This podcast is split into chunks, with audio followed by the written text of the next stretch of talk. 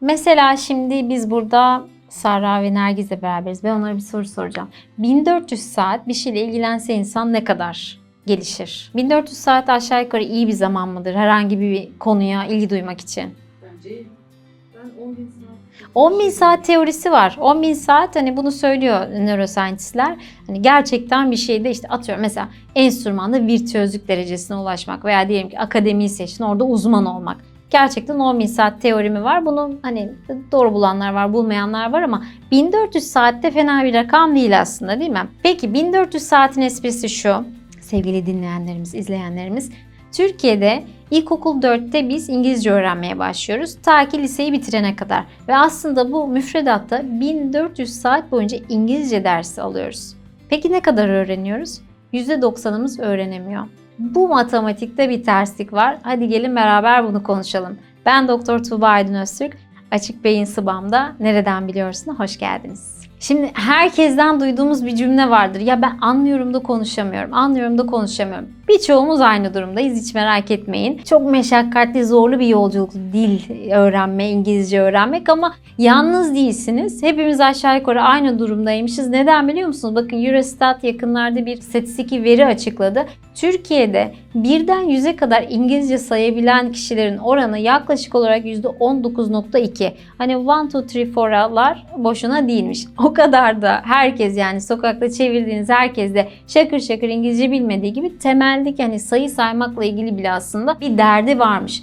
Rakamlar şunu söylüyor. Türkiye'de bir yabancı dil bilenler yani bu İngilizce de olabilir başka bir yabancı dilde olabilir. Ortalama olarak toplam nüfusun %15'ine denk geliyor. İki yabancı dil bilenler %2.3 ve 3 yabancı dil bilenler de %0.3. Bu şu demek oluyor aslında biz baya baya yabancı dil bilmiyoruz. Peki yayının başında dedim ya programın başında aslında 1400 saat öğrenmeye çalışıyoruz. Ama neden bu kadar çok zayıf kalıyoruz bunda? Burada bir demek ki bir matematiksel bir yanlış var. Bunu anlamamız lazım. Bu konuda çokça araştırma yapan Allah'tan dil bilimciler var Türkiye'de. Güzel bir yazı bulmuştum. Onu böyle paylaşırız. Linkini falan koyarız bir yerlere. Hatta ismini ise tam söyleyeceğim.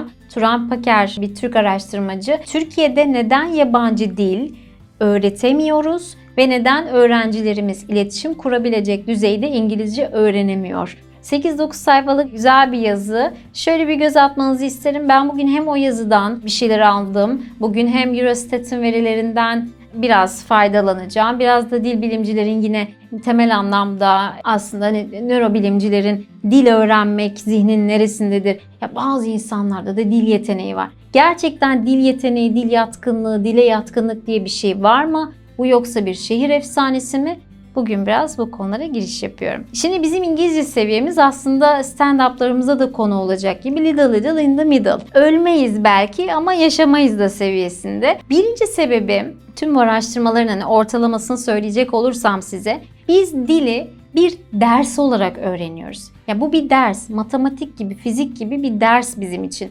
Ve sadece gramerle yani genel kurallar işte şu kelimeden sonra zarf gelsin, zarftan sonra sıfat gelsin, cümle şöyle birinci hali, ikinci hali derken aslında dilin hani bir önceki videoda da konuştuğumuz gibi insanlık tarihinin en önemli iletişim unsuru olduğu bilgisini kaçırıyoruz. Dil insanlar arasındaki iletişimi sağlayan olmazsa olmaz bir köprüdür. Biz bu köprüleri yıkıyoruz ve çok didaktik bir şekilde bütün eğitim müfredat hayatı zaten bunu söylüyor. Bizi kurallara boğuyor.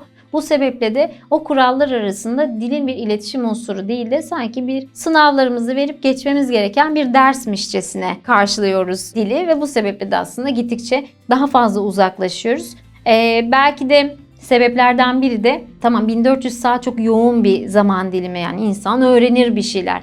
Ama baktığınızda genel olarak sadece okuma bilgisine yönlendiriyor bizi. Yani öğrenmenin dört temel bileşeni vardır. Okuma, yazma, dinleme ve konuşma. Dinleme ve konuşmakla ilgili bir derdimiz var. Yazma ile ilgili bir derdimiz var ve sadece bize kuralları açıklayan bir öğretim sistemi var. Bu sebeple birinci sebep öğretimdeki, müfredattaki temel, belki pedagojiden biraz noksan kalan, yoksun kalan genel sistem. İkinci sebepten bahsedeceğim. İngilizce yeterlilikte dünyada en kapsamlı sıralamayı İngilizce Yeterlik Endeksi yapıyor her sene. 100 ülke arasında bizler 79. sıradayız. Yani bir hayli atlardayız aslında. Bizim daha önceki videolarımızda üstüne bastığımız konulardan bir tanesi bu. El alem ne der? Rezil olacak mıyım? Şimdi ağzıma yanlış bir şey çıkarsa e, çok kötü olur. Yani iletişimle devam edemem korkusu ya da korkusu demeyelim de kaygısı diyelim aslında. Çünkü belki de hiçbir şey olmayacak. Belki zaten karşınızdaki sizden daha da iyi İngilizce bilmiyor ama e, bu araştırmaların dışında ben hani hem kendim yurt dışında yıllarca yaşadığım için hem sürekli farklı konferanslara, eğitimlere, sempozyumlara gittiğim için buralarda farklı milliyetlerden insanlarla sürekli karşılaşıyorum. Türkiye'den de insanlarla karşılaşıyorum ve en sık gözlemlediğim konu şu. Genelde Türkiye'den gelenlerin bir kendini tutma hali var. Yani bu kişiler çok iyi eğitimli de olabilir bu arada. Yani hoca da olabilirler, akademisyen de olabilirler, iş insanı da olabilirler. Yanlış yapmamak adına suskun kalmayı tercih ediyorlar farklı coğrafyalardan gelen kişiler tam tabiriyle kaşını gözünü yara yara konuşmaya devam ediyor. Bir şekilde kendini aslında o duygusal filtreden özgürleştirmiş oluyor. Çalışmalar zaten der ki motivasyon, özgüven, endişe gibi duygusal değişkenler arttıkça dil ediniminde bunlar olumsuz rol oynuyorlar. Yani bizim bir başkasının bizim hatalarımız üzerine işte şu an grameri yanlış mı? Ondan sonra ne geliyordu? İkinci hali miydi? Yüklem miydi? Virgül müydü? derken cümle kaçı veriyor? İletişim kaçı veriyor? İletişim bekleyen bir şey değil çünkü. Bu sebeple en çok kendi topumuza sıktığımız ve belki en çok kendi kendimizi aşağı çektiğimiz konuların başında bu kültürel olarak çok denizin üstünde görülebilecek. Hepinizin de dikkat ettiği başkaları ne der? Ben şu an hata yaparsam rezil olur muyum korkusu. Bu da ikinci sırada yer alıyor. Üçüncü faktör öğretmen faktörü. Bence bu sadece İngilizce'de değil bu arada. Yani yıllar boyunca matematik öğrendik, edebiyat öğrendik, felsefe öğrendik ve hayatımızda bir yerlerde ya bir Tuğba Hoca vardı, işte bir Ahmet Hoca vardı, şiir gibi anlatırdı. Veya ya hoca ya bilirdi ama çok iyi paylaşamazdı dediğimiz, siz de biliyorsunuz, kafa sallıyorsunuz. Böyle hocalarımız oldu. Şimdi hocalarımızın, öğretmenlerin kişisel motivasyonları ve işi sevmesinin veya işi öylesine yataktan o gün çıktığı için yani yapmak zorunda olduğu arasında fark var. Dağlar kadar. Bunu biliyoruz zaten. Bir de ek olarak eğitimde Gardner'ın çoklu zeka kuramını bilirsiniz. Şimdi herkes aynı şekilde öğrenmez. Ama genelde bizim sınav sistemimiz hep aynı zeka türüne hitap eder. E, bu sebeple İngilizceyi biz testte değil mi? Yani test zaten sizin yaratıcılığınızı öldüren bir şeydir. Bir tane doğru vardır. İhtimalleri ortadan kaldırır. Olasılıkları ortadan kaldırır. O sorunun cevabı A şıkkı da olabilir size göre. B şıkkı da olabilir. Dil böyle bir şeydir çünkü yerine başka kelimelerle onu yine anlatabilirsiniz. Fakat bize işte çoklu etkinlikler olmaması tek bir yani okumaya dayalı sadece ama acaba dinleyebiliyor mu? Acaba gerçekten konuşma becerisi var mı? Bunları göz ardı ettiğimiz için biraz aslında orada yine işi olumsuz etkileyen faktörlerden biri oluyor. Çokça maruz kalmak gerekiyor dile. Çok duymak gerekiyor. Bu sebeple yurt dışına gittiğinizde daha hızlı öğrenirsiniz kendi ülkenizde yaşamaya göre. Yani bir kursa gidersiniz arkadaşlarınızla işte hocanız size İngilizce anlatır anlatır anlatır. Çıkarsınız çıkışta sinemaya kafeye bir yere gidelim mi dersiniz ve anında Türkçe'ye döner. Burada maruz bırakılmak gerekiyor. Bu sebeple hiç kültürünü, dilini, huyunu, suyunu bilmediğiniz bir yere sizi bıraktıkları zaman hayatta kalmak için seve seve dili öğreniyorsunuz. Mecburen konuşuyorsunuz. Bir de şunu söyleyeyim sizlere. Ya mutlaka zaten dil bilenler vardır aramızda, izleyicilerimiz arasında ama hani dil öğrenmekle ilgili bir mücadele içinde olanları da bolca arkada açık kalsın, dinleyin, izleyin ve yani bunu dördüncü olarak zaten bağlayacağım ama sevmediğiniz ve amaçsız gelen hiçbir şeyi öğrenmiyor beyin zaten. Kendi ilgi alanlarınızı oluşturun. Yani illaki sizin için Mr. and Mrs. Smith'in o gün parka ya da pikniğe gidip gitmediği önemli olmayabilir. Yani o sizin için hayati bir önem taşımıyorsa zaten dili bunun üzerinden öğrenemezsiniz. İlgi alanınız nedir? Yoga mı seviyorsunuz? Sanat mı sizin için değerli? E oyunlar mı? İşte e spor mu ilginizi çekiyor?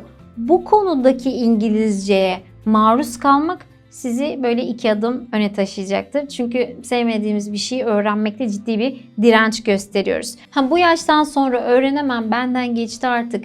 Dil sadece çocukken öğrenilir, gençken öğrenilir demeyin. Her zaman öğrenmeye devam ediyor zihin. Yeter ki gerçekten kendinizi motive bir şekilde, konsantre bir şekilde oraya adayın. Çünkü aslında bakın dil bilimci ekelerinde söylediği bir söz var. Araba kullanmak, bisiklet sürmek gibi becerilerin beyinde geliştiği bölgeyle dil öğrenmenin geliştiği bölge aynı. Yani aslında dil öğrenmek bir yetenek işi değil. Böyle sanki Allah'ın şanslı kullarına mahsus bir şey değil. Herkes dil öğrenebilir. Yeter ki dediğim gibi sevdiğiniz konu üzerinden ve bir beceriyi edinmek gibi düşünün bunu. Yani ben bunu öğreneceğim diye karar vermeye bakıyor aslında. Parçaları birleştirmek, farklı yetenekleri yani hem okumak, hem dinlemek, hem duymak, hem konuşmaya çalışmakla çoklu zeka kuramıyla ancak ki daha çok işe yarıyor. Kısaca dil öğrenmek keyif olduğunda, işi biraz daha zevkli olduğunda, eğlenceli olduğunda ve bir amaç uğruna öğrenildiğinde güzel. Ben dünyayı gezmek istiyorum. Ben yüksek lisans yapmak istiyorum yurt dışında. Ben işte falanca yeri çok merak ediyorum dediğinizde içeride bir şeyleri hareket ettirmeye başlıyorsunuz. Peki benim motivasyonum neydi dil öğrenirken? Ben dünya çapında bir araştırmacı olmak istedim. Dünyada ne olup bittiğinden haberdar olmak istedim. Bu sebeple İngilizceye başladım. Ve bu beni her sabah uyandığımda bana bir amaç vermiş oldu. Sizin amacınız ne dil öğrenirken? Hadi aşağıda yorumlarda buluşalım. Hoşçakalın.